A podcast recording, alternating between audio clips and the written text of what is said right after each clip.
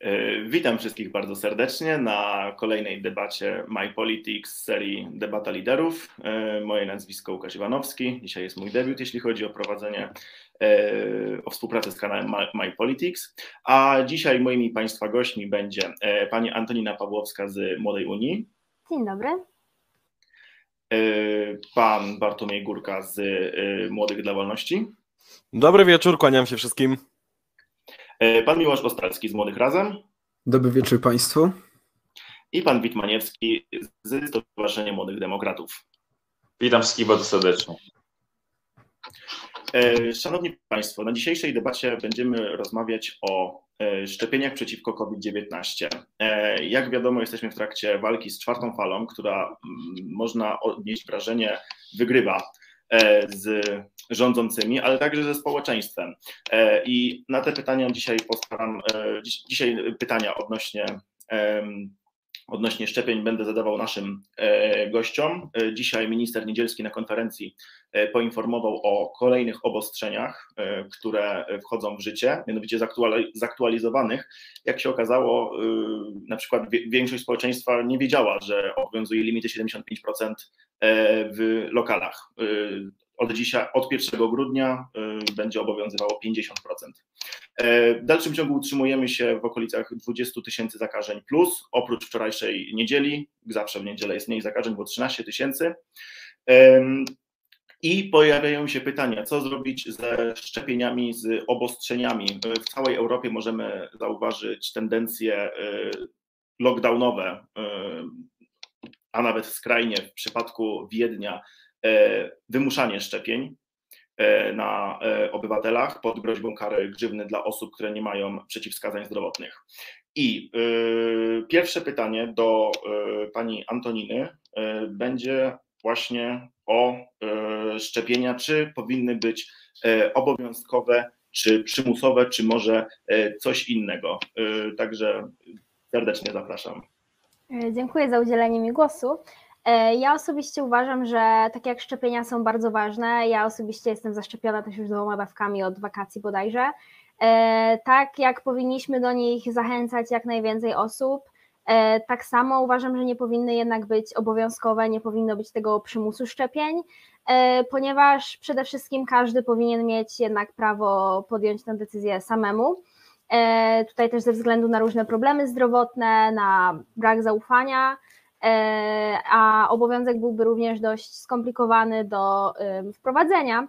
Pojawia się też także e, problem e, tego, że mm, powstają różne, cały czas właściwie słyszymy o nowych mutacjach i osoby zaszczepione nawet tymi dwoma dawkami także mogą chorować na koronawirusa, w związku z czym to wprowadzenie obowiązkowych szczepień mogłoby być troszeczkę, powiedziałabym, mm, przesadne.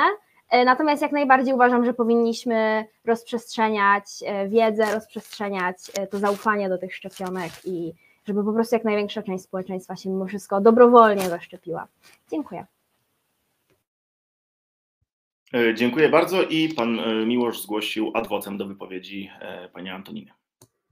Tak, ja chciałem tylko skomentować właściwie ostatnią część, czyli tą część o tym, że i tak osoby zaszczepione mogą zachorować. To jest oczywiście fakt, natomiast jest to fakt, z którym nikt nie polemizuje i chodzi raczej o to, że e, w samym nacisku na szczepienia zależy nam na tym, żeby zmniejszyć e, te najbardziej drastyczne przebiegi tej choroby. To znaczy, sami wiemy, że 90% osób, które leżą w szpitalach na oddziałach intensywnej terapii, to nie są osoby, nie za, y, osoby zaszczepione, tylko osoby właśnie niezaszczepione. Bardzo dużo osób też podrabia te certyfikaty i potem również są liczeni w bazie osób zaszczepionych, a przechodzą COVID bardzo y, w drastyczny sposób, więc uważam, że nie powinniśmy mówić, że to jest takie zupełnie obojętne y, i że mutacja sprawia, że szczepienia mogą okazać się mniej wartościowe, bo to nigdy nie miało nas w 100% chronić, to ma nas przede wszystkim e, zabezpieczyć przed tym najcięższym przebiegiem choroby. Dziękuję. Mm, tak, dlatego uważam, że wszystkie informacje, tak jak właśnie e, o tych łagodniejszych przebiegach choroby w przypadku zaszczepienia, powinny dalej być rozprzestrzeniane, żeby jak największa liczba osób po prostu miała tego świadomość i mimo wszystko zdecydowała się na e, zaszczepienie się. Okej, okay, dziękuję bardzo. E, I teraz udzielam głosu panu Bartłomiejowi. Dziękuję bardzo panie redaktorze.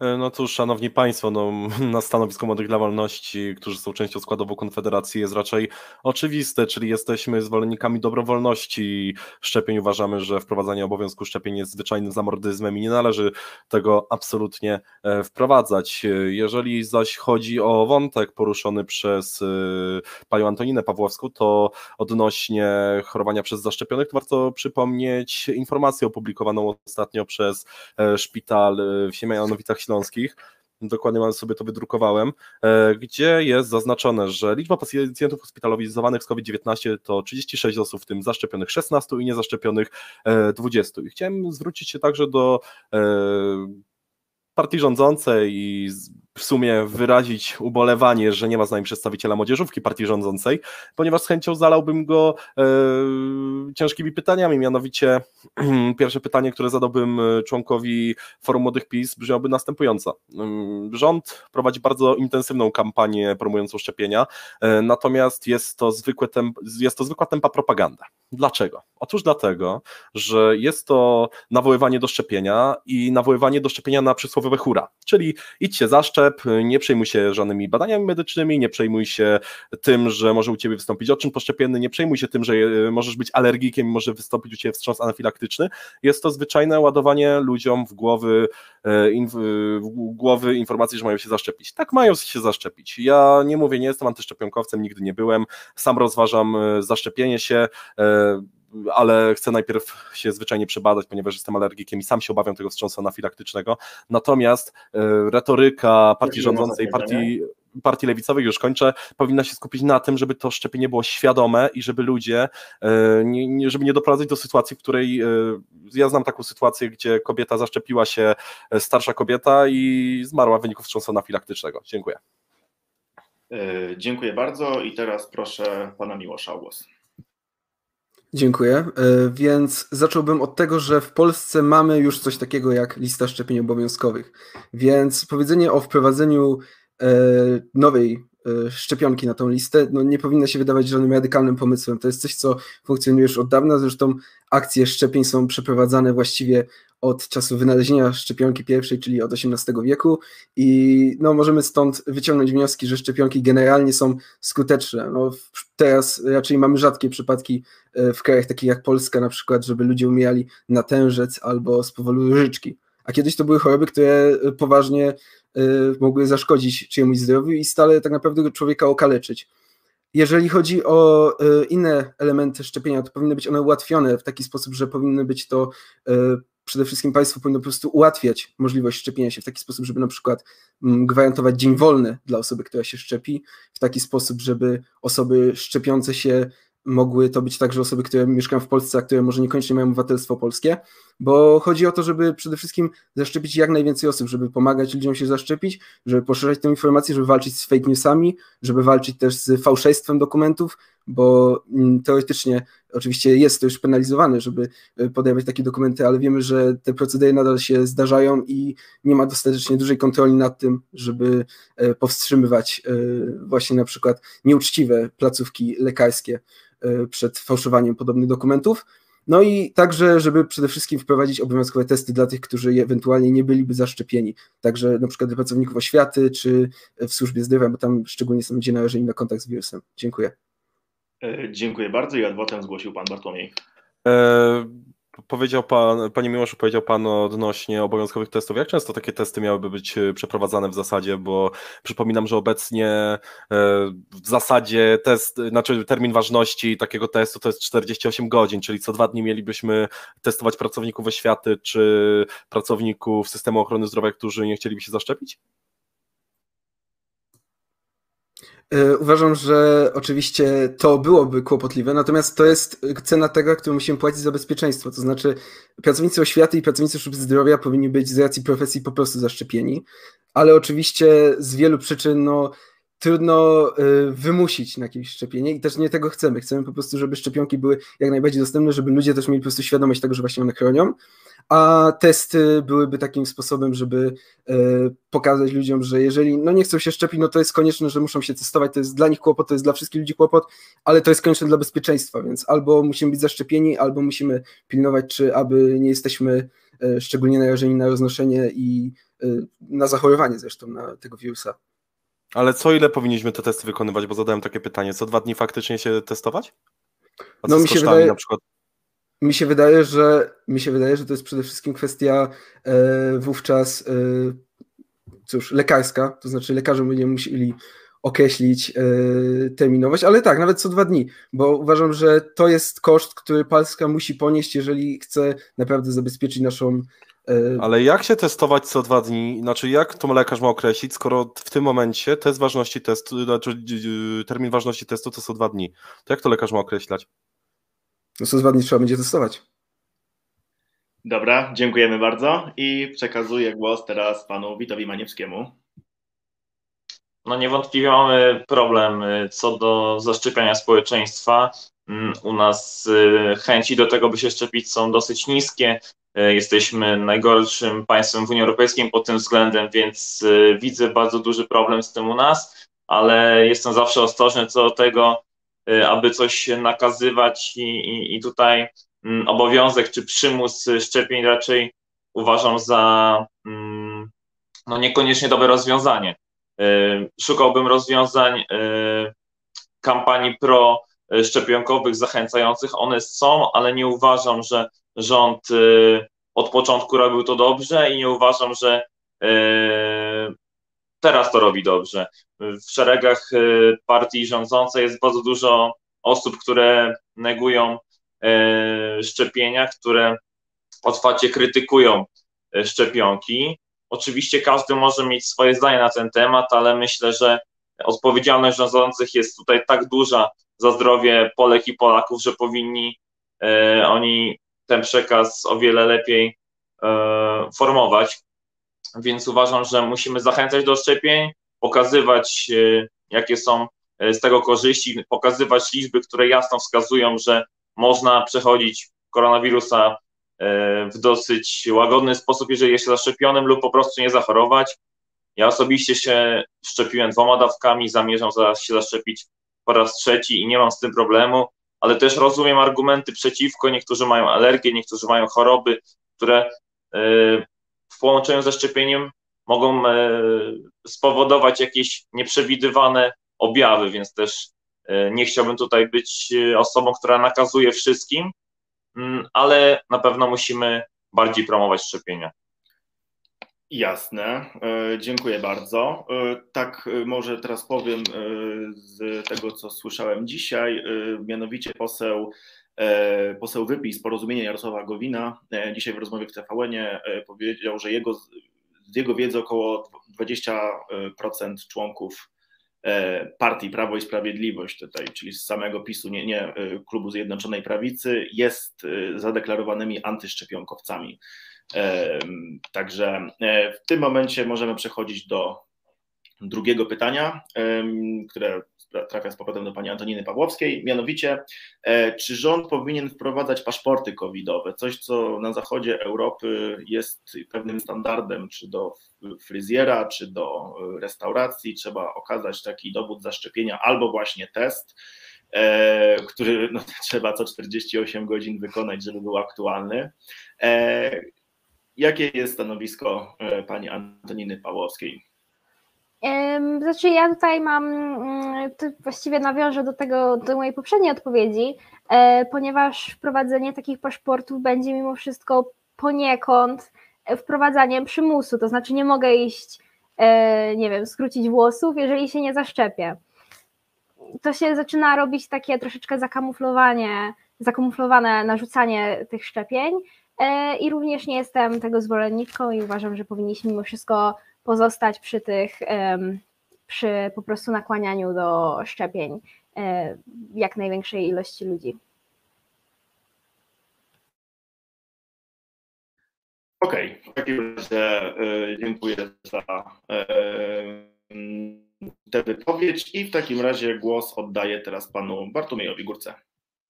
Dziękuję bardzo panie redaktorze. Ja się odniosę do, e, do pani Antoniny po raz kolejny, wręcz puszczę oczko, z tego względu, że powiedziała, e, powiedziała Pani, że to jest takie wprowadzanie przymusu tylnymi drzwiami. Ja bym to nazwał bardzo ładnie. E, myślę, że nasz rząd by to nazwał tak ładnie, żeby nie nazwać tego przymusem, bo nasz rząd e, podatki nazwa daninami opłatami, więc takie coś mogłoby, mógłby nasz rząd równie dobrze nazwać dobrowolnym przymusem. Ja to lubię nazywać dobrowolnym przymusem, ponieważ jest to taka makiawelistyczna wręcz strategia wprowadzania czegoś tylnymi drzwiami. I ja podam Państwu przykład z życia wzięty, dlaczego paszporty covidowe w sporej części sytuacji są po prostu prostu absurdalne.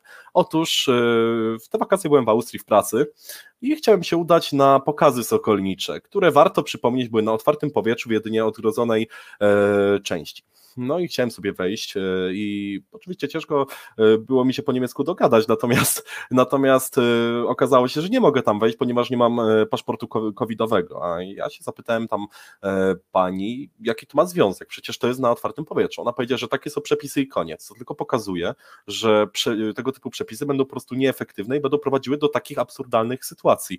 I jeżeli kolega Miłosz, bo zapewne będzie on e, zwolennikiem wprowadzania paszportów covidowych, to jeżeli mówi, że nie chcemy nikogo zmuszać, a zaraz powie, że e, paszporty covidowe trzeba wprowadzić, to wy chcecie zmuszać, tylko chcecie to robić w sposób wręcz makiawelistyczny. Tak jak mówię, makiawelistyczny. Dziękuję. Dziękuję bardzo. E, to w takim razie przez pana Bartłomieja został wywołany pan Miłosz, także oddaję głos. E, więc zacznę od tego, że trochę mi się nie podoba, że kolega, mój przedmówca, e, wkłada mi od razu słowa do ust i też od razu zajmuje się ich interpretacją, bo powiedziałbym, że to brzmi tak trochę e, nie tylko cynicznie, ale to brzmi jak pewna forma manipulacji. Zacznijmy więc od tego, że paszporty covidowe de facto istnieją, po prostu nie ma ich jeszcze wprowadzonych w Polsce, to znaczy nie ma jeszcze paszportów, które dawałyby jakiekolwiek korzyści osobom zaszczepionym w Polsce. E, sam taki paszport każdy może sobie już teraz wyrobić i te paszporty bardzo ułatwiają na przykład e, podróże. I dlaczego tak jest? Dlatego, że po pierwsze e, ludzie wiedzą, że kraje takie jak Polska, gdzie właśnie jest niższy odsetek ludzi zaszczepionych, no z wielu przyczyn stanowią większe zagrożenie. To znaczy ludzie po prostu mają większą szansę, że są osobami niezaszczepionymi, że są osobami, które mogą tą chorobę E, przekazywać, ale dzięki temu, że mamy paszport, to nie będzie trzeba żadnej właśnie dyskryminacji, żadnej segregacji wprowadzać. To jest sposób bardzo łatwej identyfikacji, bardzo łatwego sprawdzenia.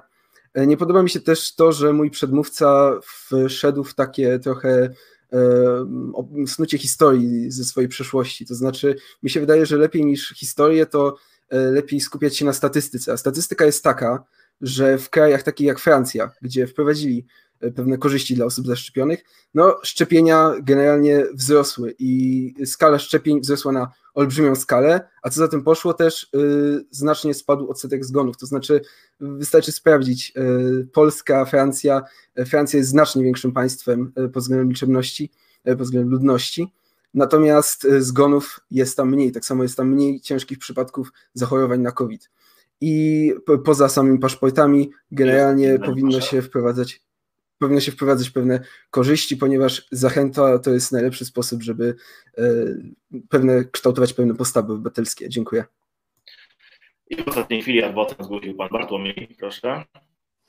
Panie Miłosz, pan zachętą nazywa po prostu odbieranie obywatelowi większości praw do udania się do wybranego przez siebie lokalu. To nie jest zachęta, tylko to jest dobrowolny przymus, e, pieszczotliwie to nazywając. To jest pierwsza sprawa. Druga sprawa, jeżeli e, pan mówi, że Polska miałaby być takim e, zagrożeniem, jako że mamy taki mały wskaźnik wyszczepialności, to ja chciałbym zwrócić uwagę na przykład na to, co się dzieje w Niemczech. Niemcy, e, porównując oczywiście proporcje zakażeń i ludności, mają bardzo podobny, bardzo podobny wskaźnik dziennych zakażeń, mimo większego wskaźnika wyszczepialności. Dziękuję.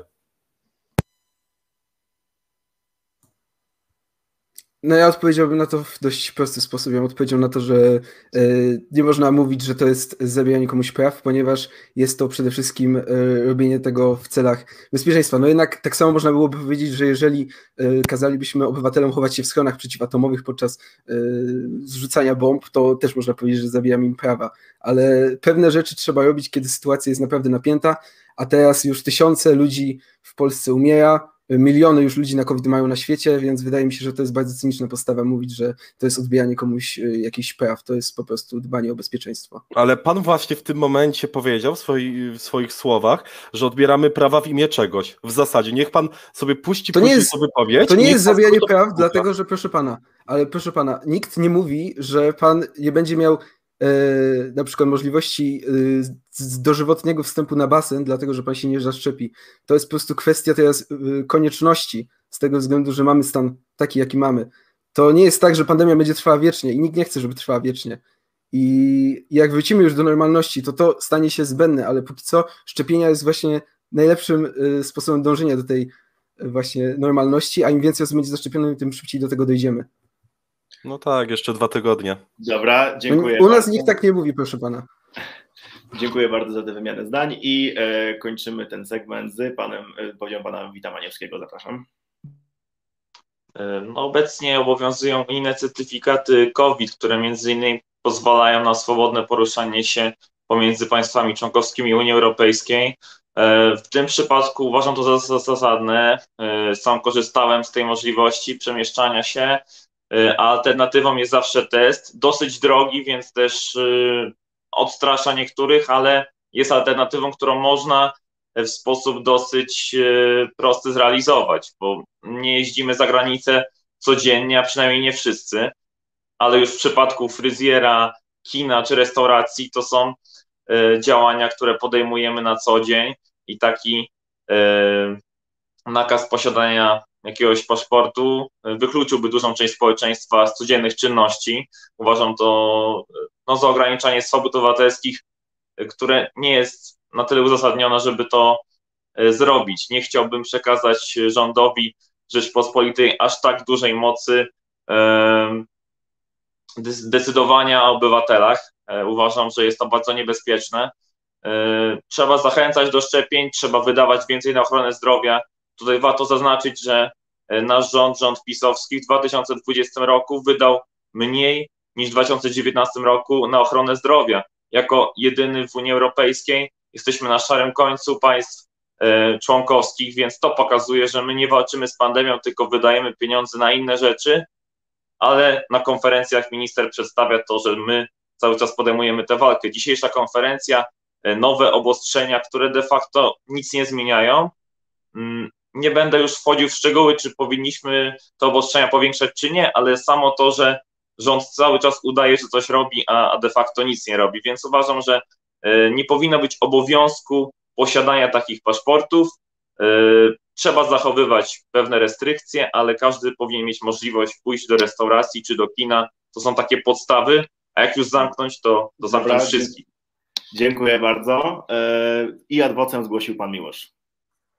Tak, bo ja po pierwsze nie rozumiem tego, dlaczego lockdown byłby, taki całkowity lockdown miałby być lepszą alternatywą dla pewnych restrykcji. To znaczy, yy, wiemy, że nawet yy, ekonomiści różnej maści, to znaczy, teraz właśnie nie wypowiadam się nawet z punktu widzenia osoby o poglądach lewicowych, tylko bardziej z punktu widzenia obywatela.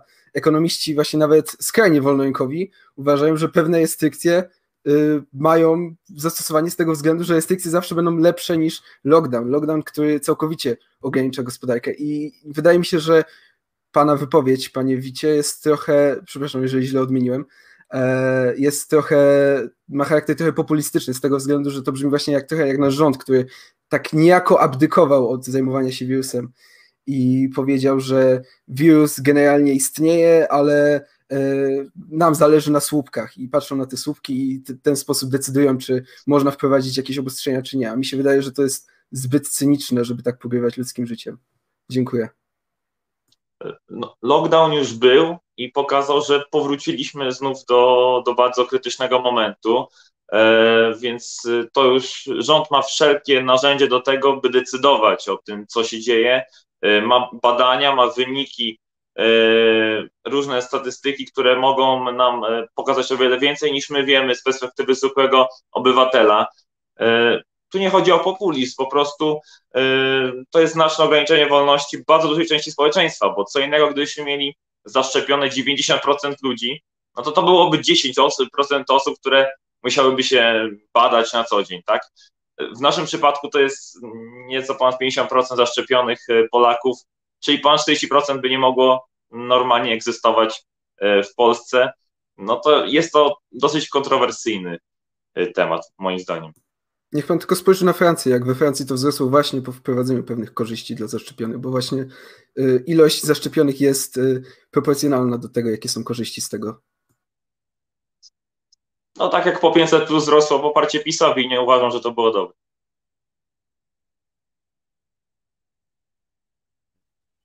E, dobra, dziękuję bardzo. E, I w tym momencie przechodzimy do trzeciego etapu naszej rozmowy, e, mianowicie o kolejny kontrowersyjny temat o szczepienie dzieci. E, czy państwo powinno tutaj to wspierać, czy powinno być to w jakiś sposób wymuszane? Chociaż myślę, że możemy rozszerzyć to pytanie i właśnie podciągnąć to, o czym już rozmawialiśmy, czyli na przykład szczepienia pracowników służby zdrowia, nauczycieli, czy ich, czy ogólnie dzieci, i powiedzmy pracowników y, takich publicznych, którzy mają duży kontakt z innymi ludźmi, czy powinno być na nich wymuszane e, szczepienie? I na tak postawione pytanie e, poproszę o udzielenie odpowiedzi panią Antoninę e, Pawłowską. Dziękuję bardzo. Ja po raz trzeci już dzisiaj powiem, że nie jestem zwolenniczką narzucania mm, nikomu szczepienia się. Wiadomo, że tutaj nauczyciele i tak dalej będą mieli większy kontakt z większą ilością ludzi, ale nadal nie uważam, że powinniśmy ich zmuszać do szczepienia. E, jeżeli chodzi natomiast o szczepienia dzieci, aktualnie wydaje mi się, że od 12 roku życia są możliwe e, i tutaj to już jest mimo wszystko w kwestii lekarzy. Ja lekarzem nie jestem, wobec czego tutaj nie jestem w stanie się wypowiedzieć, ale to przede wszystkim powinna być, to powinno być dla lekarzy pole do, do wypowiadania się, i dla rodziców do podjęcia decyzji, czy chcą swoje dziecko zaszczepić, także młodsze niż, e, niż ten aktualny próg 12 lat. Dziękuję. Może się dopytam, nie, y, niezależnie od tego, czy szkoła jest jednak jednym z najbardziej e, takim miejscem, gdzie dochodzi do największych zakażeń wirusem? E, to znaczy, jeżeli, jeżeli chcemy, powiedzmy, wymuszać szczepienia tylko na dzieciach, no to to już kompletnie nie ma sensu, bo wtedy traktujemy młodsze dzieci tak jakby inaczej niż y, dorosłych obywateli. Mm, czyli no tutaj jakby to już byłoby troszeczkę, nie chcę powiedzieć niesprawiedliwe, ale właściwie niesprawiedliwe, zmuszanie dzieci do szczepienia się albo raczej ich rodziców do szczepienia ich, kiedy oni na przykład sami nie muszą się szczepić. To mm, wydaje mi się kompletnie pozbawione sensu. Jasne, dziękuję bardzo. E, w takim razie poproszę o odpowiedź pana Bartłomieja z Młodych dla Wolności. Przepraszam, nie wyciszyłem się. E, szanowni Państwo, po raz kolejny będę odwoływał się do ludzkiego rozsądku i do głosu lekarzy. Politycy nie powinni mówić o tym, czy powinniśmy szczepić nasze dzieci, czy nie. I tym bardziej nie powinni, e, powinny to mówić, przepraszam bardzo wszystkich za określenie, wszystkich, których to urazi, ale gówniarze z młodzieżówek, co my możemy wiedzieć na temat e, szczepienia dzieci? Co? Nic. To lekarze powinni decydować, bo lekarze najlepiej znają pacjenta, z którym pracują i to rodzice najlepiej znają swoje dziecko i to rodzice oraz lekarze powinni decydować o szczepieniach dzieci, a nie, a nie, młodzie, a nie młodzieżówki czy partie polityczne i e, ja tutaj w tym momencie chcę się odwoływać przede wszystkim do zdrowego rozsądku i do autonomicznej decyzji ludzi, po prostu, nic innego. Dziękuję bardzo. E, bardzo dziękuję i teraz proszę o zabranie głosu pana Miłosza. Dziękuję. E, zacząłbym od tego, że szczepionki dla dzieci przede wszystkim to nie są dokładnie te same szczepionki, które podawane są dorosłym. I oczywiście bardzo dobrze. I uważam, że to przede wszystkim podkreśla fakt, że są bezpieczne, bo dla wielu osób przede wszystkim szczepienie dzieci może wydaje się niebezpieczne, ale to są specjalnie przygotowane szczepionki, szczepionki, które są w trochę mniejszej dawce, właśnie specjalnie przygotowane dlatego, żeby e, później można było wraz z rozwojem dziecka, jeżeli zajdzie taka konieczność, to dawki e, przypominające podawać. E, są to też oczywiście przygotowane przez pediatrów, przez specjalistów od chorób zakaźnych, przez specjalistów w ogóle od szczepionek.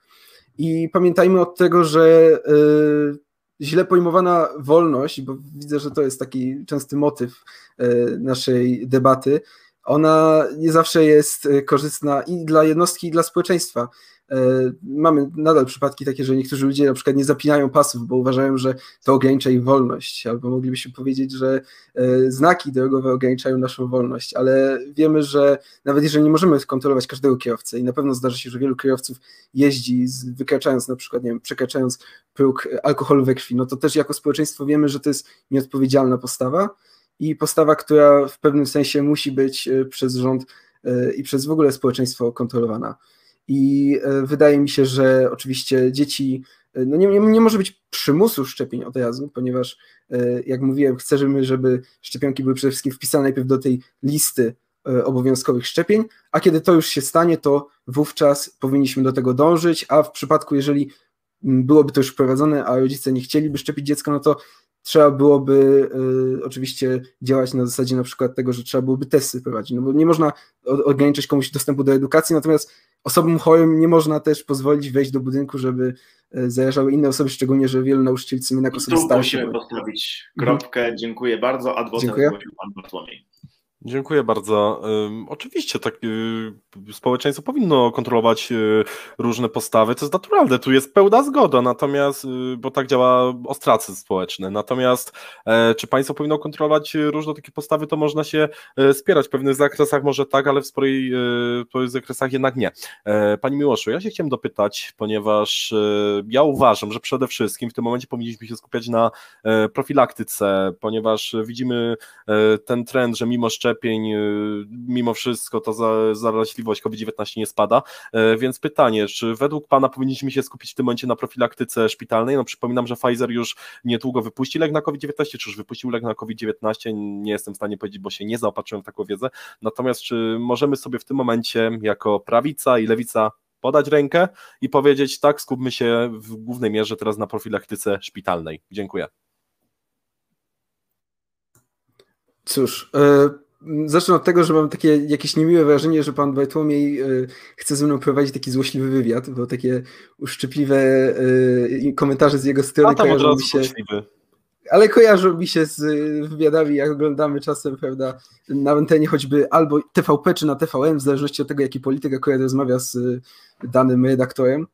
E, ale jeśli mam, miałbym odpowiadać tak e, na zasadzie mojej wiedzy, bo mówię, moja wiedza jest jednak ograniczona i tak jak pan mówił, akurat z tym nigdy się nie spierałem. E, nie uważam, że ja jako akurat jednostka mam koniecznie taką wiedzę. Ja po prostu wiem, że moja wiedza musi opierać się na pewnym autorytecie i wierzę w autorytet medyczny. I jeżeli e, pyta Pan co do profilaktyki, no to wszystko zależy od tego, jakie jest, e, jakie jest generalnie właśnie na to zapatrywanie się tych wszystkich najważniejszych e, no generalnie instytucji zajmujących się po prostu kontrolą szczepionek czy kontrolą właśnie leków. Bo jeżeli na przykład wiemy, że szczepionki dla dzieci są bezpieczne dlatego, że zostały one przebadane, że zostały one dopuszczone przez Europejską Agencję Leków, no to wiemy, że coś za tym stoi, że to nie jest po prostu, że jeden, jedna osoba, która e, ma akurat specjalizację lekarską, tylko o tym poświadczyła, tylko są za tym bardzo wielu różnych ludzi, bardzo wiele różnych badań i mi się wydaje, że to jest przede wszystkim najważniejsze, żebyśmy stosowali to, co już zostało przebadane, a nie tylko eksperymentowali. Pełna zgoda, natomiast y, właśnie ta sprawa, czy nie powinniśmy, e, powiem ładnie, jako Europa, skupić się właśnie na rozwoju tej profilaktyki, bo przypominam ten dokument odnośnie szpitala w Siemianowicach Śląskich, gdzie na 36 osób hospitalizowanych 16 e, osób to są osoby zaszczepione to pokazuje, że bardzo dużo osób zaszczepionych też w skali kraju zwyczajnie jest hospitalizowanych. Czyli w zasadzie teraz najbardziej logicznym kierunkiem działania powinien, powinien być rozwój w kierunku profilaktyki, właśnie między innymi odnośnie leków. Moim zdaniem pan nie słyszał mnie tylko jak mówiłem o tym, że bardzo często są też y, takie zjawiska jak na przykład fałszowanie dokumentów, dokumentacji medycznej.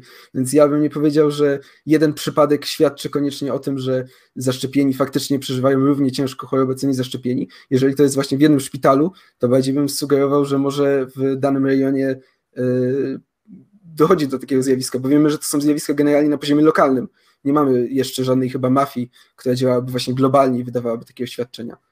E, pozwolę sobie ostatnie wtrącenie, bo już widzę, że pan prowadzący się troszkę niecierpliwi. E, tak, pełna zgoda, że takie do takich fałszerstw dochodzi. O przyczynach można by dyskutować i dyskutować. Natomiast e, czy pana zdaniem skala tych fałszerstw jest aż taka duża? Bo moim zdaniem nie. No ja właśnie mówię, moim zdaniem są na skalę lokalną. I jeżeli mówi pan o jednym przypadku jakiegoś szpitala, to wydaje mi się, że trzeba byłoby spojrzeć na całą Polskę, a, ale w, słucham? To jest ogólnopolski trend, no chociażby w mojej rodzimej Limanowej do podobnych sytuacji dochodzi że no. jest sporo osób po prostu zaszczepionych, które najzwyczajniej w świecie są też hospitalizowane, więc jest to pewien ogólnopolski trend odnośnie tego, że dosyć spora liczba osób zaszczepionych jest hospitalizowana i dlatego też y, chcę tutaj pada przekonać, że powinniśmy się skupić na rozwoju tej profilaktyki szpitalnej, bo ona jest w tym momencie e, kluczowa, bo jak doskonale wiemy, wirus mutuje i to dosyć intensywnie, już teraz słyszymy o e, kolejnym tysiącu odmian e, koronawirusa. Ja mogę zapytać pana redaktora tylko, y, czy mogę po prostu zgłosić swoje adwocem, żeby to kontynuować, bo chcę jeszcze dopowiedzieć, a nie chcę... Znaczy myślę, e, że powinniśmy kontynuować już, jeszcze pan Wit, Dobrze, przepraszam, to nie, nie najwyżej po panu Wicie ewentualnie skorzystam. Tak, y, jedna rzecz, y, za Gazetą Wyborczą, z klinika z Podkarpacia, podobno kilkaset fałszywych certyfikatów udzieliła e, jeden taki paszport e, około kilkuset złotych. Sprawa jest badana przez policję w tym momencie. Tak, świeża sprawa to jest. W sensie nie mówi to całkowicie o jakiejkolwiek skali tego precedensu, natomiast no, ta, coś takiego istnieje w Polsce, przynajmniej fałszowanie tych certyfikatów. Pan Witmaniewski, proszę bardzo. To najpierw oczywiście odpowiem na temat szczepień dla dzieci. E, Unii Europejskiej rekomendowane są obecnie szczepienia dla dzieci w wieku lat 7-12. E, Komisja Europejska ma zająć się tym tematem w najbliższych tygodniach. Jeżeli będzie taka rekomendacja, to uważam, że powinniśmy dopuścić takie szczepionki mm, w Polsce, ale oczywiście o tym, czy dzieci będą szczepione, powinien decydować rodzic wraz z lekarzem. E, nie powinno być obowiązku takich szczepień, ale jeżeli oczywiście rodzice wraz po konsultacji z odpowiednim lekarzem zadecydują, że warto, no to oczywiście jak najbardziej tak. I generalnie w całej tej dyskusji dzisiejszej o szczepieniach wydaje mi się, że główne, czego powinniśmy oczekiwać, to zachęcanie, promowanie i pokazywanie dóbr, jakie daje e, szczepienie i niekoniecznie dóbr takich, że jak się nie zaszczepisz, to nie będziesz mógł zrobić tego i tego, tylko jak się zaszczepisz, to po prostu ta choroba cię nie dopadnie lub dopadnie w mniej dotkliwy sposób. W ten sposób ja to widzę. A jeśli chodzi o te doniesienia z Podkarpacia czy, czy, czy z innych miejsc, y, na pewno jest to duży problem i tutaj rząd powinien stanowczo zająć się y, tym już biznesem, bo to już jest biznes, który podrabia różnego rodzaju dokumenty. Y, sytuacja bez precedensu gdyby zostały wprowadzone jakieś mm, e, paszporty covidowe, też pewnie by to się działo, więc yy, większa weryfikacja, sprawdzanie tego, rząd ma instrumenty do tego, więc po prostu trzeba tego oczekiwać od, od e, rządzących. Bardzo dziękuję za wypowiedź. E, I w takim razie wyczerpaliśmy już e, pulę pytań, aczkolwiek no, myślę, że możemy jeszcze tutaj spełnić prośbę pana Miłosza, który chciał jeszcze adworcem dorzucić do naszej tej gorącej dyskusji. E, także proszę bardzo. Ja to ja na wstępie tylko przeproszę panią Antoninę i pana Wita, ponieważ wiem, że to, to jest z kolei wykluczenie trochę z dyskusji, a to, natomiast jeżeli e, państwo chcieliby, to oczywiście też zapraszam do tego, żeby zgłaszali państwo adwocem, bo akurat zauważyłem, że w debacie jakoś tak cicho pod tym względem, tylko ja z Bartłomiejem tak wymieniamy e, komentarze. Mm, a chciałem powiedzieć przede wszystkim e, jeszcze, bo o tym zapomniałem, a do tego też się chciałem odwołać, do Niemczech, ponieważ Pan mówił o, o tym, że Niemcy to jest też przykład tego, że większa, większy poziom zaszczepienia e, ludności to niekoniecznie wpływa na e, mniejszą ilość przypadków zachorowań. Ja do tego chciałem wrócić, ponieważ chciałem powiedzieć, że to jest prawda, natomiast ja od początku konwersacji próbowałem przekonać, że jednak główną zaletą szczepień jest to, że szczepienia zmniejszają częstotliwość ciężkiego przebiegu choroby i zmniejszają przypadki zgonów, częstotliwość przypadków zgonów w każdym razie. Bo jeżeli zobaczymy na statystyki, ja mogę panu dać, ponieważ akurat takie statystyki są dostępne też globalnie, e, z wczoraj. E, no, zauważyłem. No, więc, ale wie pan, e, wczoraj generalnie też mieliśmy tak, że właśnie poziom przypadków w Niemczech jest może większy, natomiast poziom śmierci, śmiertelności na Y, populację, to jednak w Polsce przypada niestety wyżej. I Polska nadal jest y, no, niechlubne, niechlubne no, miejsce zajmuje w takich Moim zdaniem to jest kwestia przede wszystkim jakości systemu ochrony zdrowia, nie oszukujmy się. Bo, tu już byśmy mogli przechodzić e, na temat finansowania, funkcjonowania systemu ochrony zdrowia. Myślę, że nikt tego nie chce w tym momencie, bo debata jest na troszkę inny temat. E, więc e, ja bym tylko chciał powiedzieć, że aż się pozytywnie zaskoczyłem, że po, że po raz pierwszy od dawna lewica mi przyznała rację w jakimkolwiek punkcie, aż, aż mi się miło zrobiło i dyskusja się miło toczy. Natomiast jeżeli chodzi o Francję, do której się pan odwoływał, to chciałbym zwrócić uwagę, że we Francji też to idzie w troszkę złym kierunku, ponieważ myślę, że możemy się zgodzić co do zasady, że taki autorytaryzm szczepionkowy, taka segregacja sanitarna nie jest niczym y, pozytywnym i Francja właśnie w tym kierunku dąży. Z tego co się orientuję, to chyba dzisiaj y, urestrykcjonowano przepisy odnośnie kwarantan domowych w wyniku kontaktu z zakażonym. Tylko pytanie, czy my chcemy iść w takim kierunku w ogóle? Y, chciałbym się zapytać teraz jeszcze pani Antoniny, czy chciałaby na koniec swoje adwocem tutaj, żeby było sprawiedliwie. Yy, rozumiem tutaj, że yy, przeprosiny pana Miłosza mają swoje skutki. Yy, znaczy ja się ja do nich podłączam, żeby nie było.